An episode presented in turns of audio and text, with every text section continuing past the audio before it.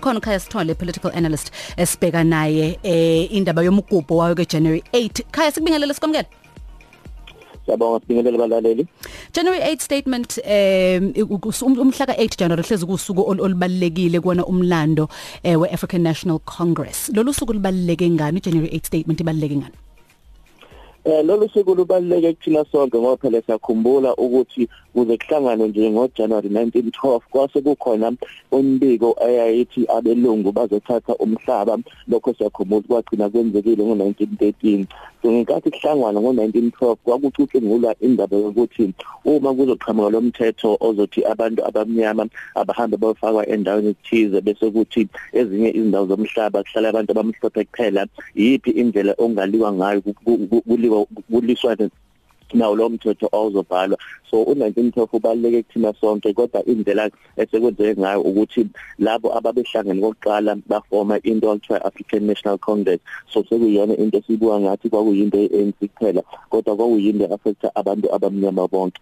Into efanele sikhumbule ukuthi uma sibhekisisa ukusungulwa kwayo ANC nokuthi sikuphi njengamanje siyakhumbula ukuthi vele indawo yomhlaba indaba yomhlaba iyona lena kwaku inkinga enkulu. Kodwa njengamanje ku 2020 sisanayo inkinga yomhlaba ukuthi abantu abaningi bayasho ukuthi cha umhlaba lo owathathwa ngayo la minyaka ngo1912 na ngo1913 usadinga ukuthi ubuyiselwe kubantu abansundu kodwa lokho akukwenzeki namanje.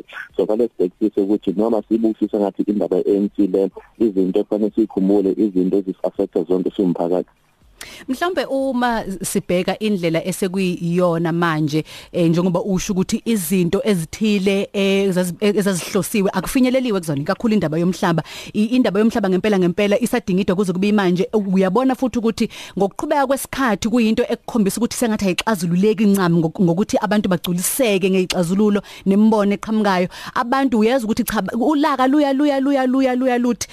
Mhlawumbe uma sibheka January 8 statement ka 20 2020 siyazi ukuthi ke kube khona izinto izinto ezayishiwo. Yeba kusiyinkomva umgubho kodwa kuyozona izinkulumo esuke zethulwa lapho kuba khona okubalekile kufanele sikucoshe. Ikuphi singakulindela so into esijwayele ukuthi uye uthi uhulumeni noma esithi ukhonose achaze ukuthi iziphi izinto afisa ukuzenza onyakeni olandelayo. So namhlanje silindele ngale impela sonto inkathi sebethula ke statement silindele ukuthi bachaze ukuthi mhlambe njengoba siyazi ukuthi leminyaka empilo edlule bekhulunywa impela indaba ukuthi kushintsha umthetho sisekelo ukhulume ngendaba yomhlaba yipi into abafisa ukuthi yenzeke kulonyaka so sethembele ukuthi mhlambe bazothi abantu njalo fanele bakhumbule ukuthi babhalele eParliament bafake imivo yabo ukuze kuma sekuthiwa siyabhalwa umthetho omusha kube yinto abantu abaningi abavumelana nayo. So into ebalekile le esizoyibona.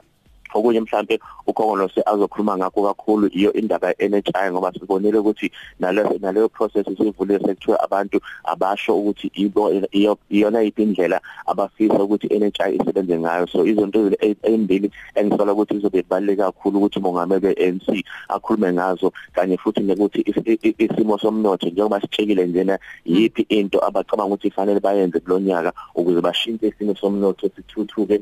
Siyabona namhlanje abaningi abantu abaningi baphasile omatikuletsheni kodwa siyazi ukuthi amathuba ukuthi bafunde emavasithi nokuthi bathole imisebenzi awama awalingani labantu abaphasile. So zonke lezo zinto zibalekile ukuthi khulunywe ngazo ukuze sibhekisise phela ukuthi yini esingayenza nokuthi yini esingasiza ngayo ukuze izinto zishintshe ku2020 Jobe sibonga kakhulu ukuthi benathi ngiyabonga. Khaya Sithole eh political analyst obeyisambili sethu eh siyazi ukuthi ibona ke sesibheke kubona ukuthi basichazele basihlaziyele noma kanjani siyathemba ukuthi eh unhlanhla mtaka nayo Khaya Sithole. Sokwazi ukuthi silibheka kabanzi lolu daba nabo emva kwayo impela sonto lapho izobe yethulwe ngempela ke iJanuary 8 statement. Happy birthday umuzalwa namhlanje 0893109193 #isidlo sasekuseni makhono ofisa ukuthi umfisele usuku oluhle.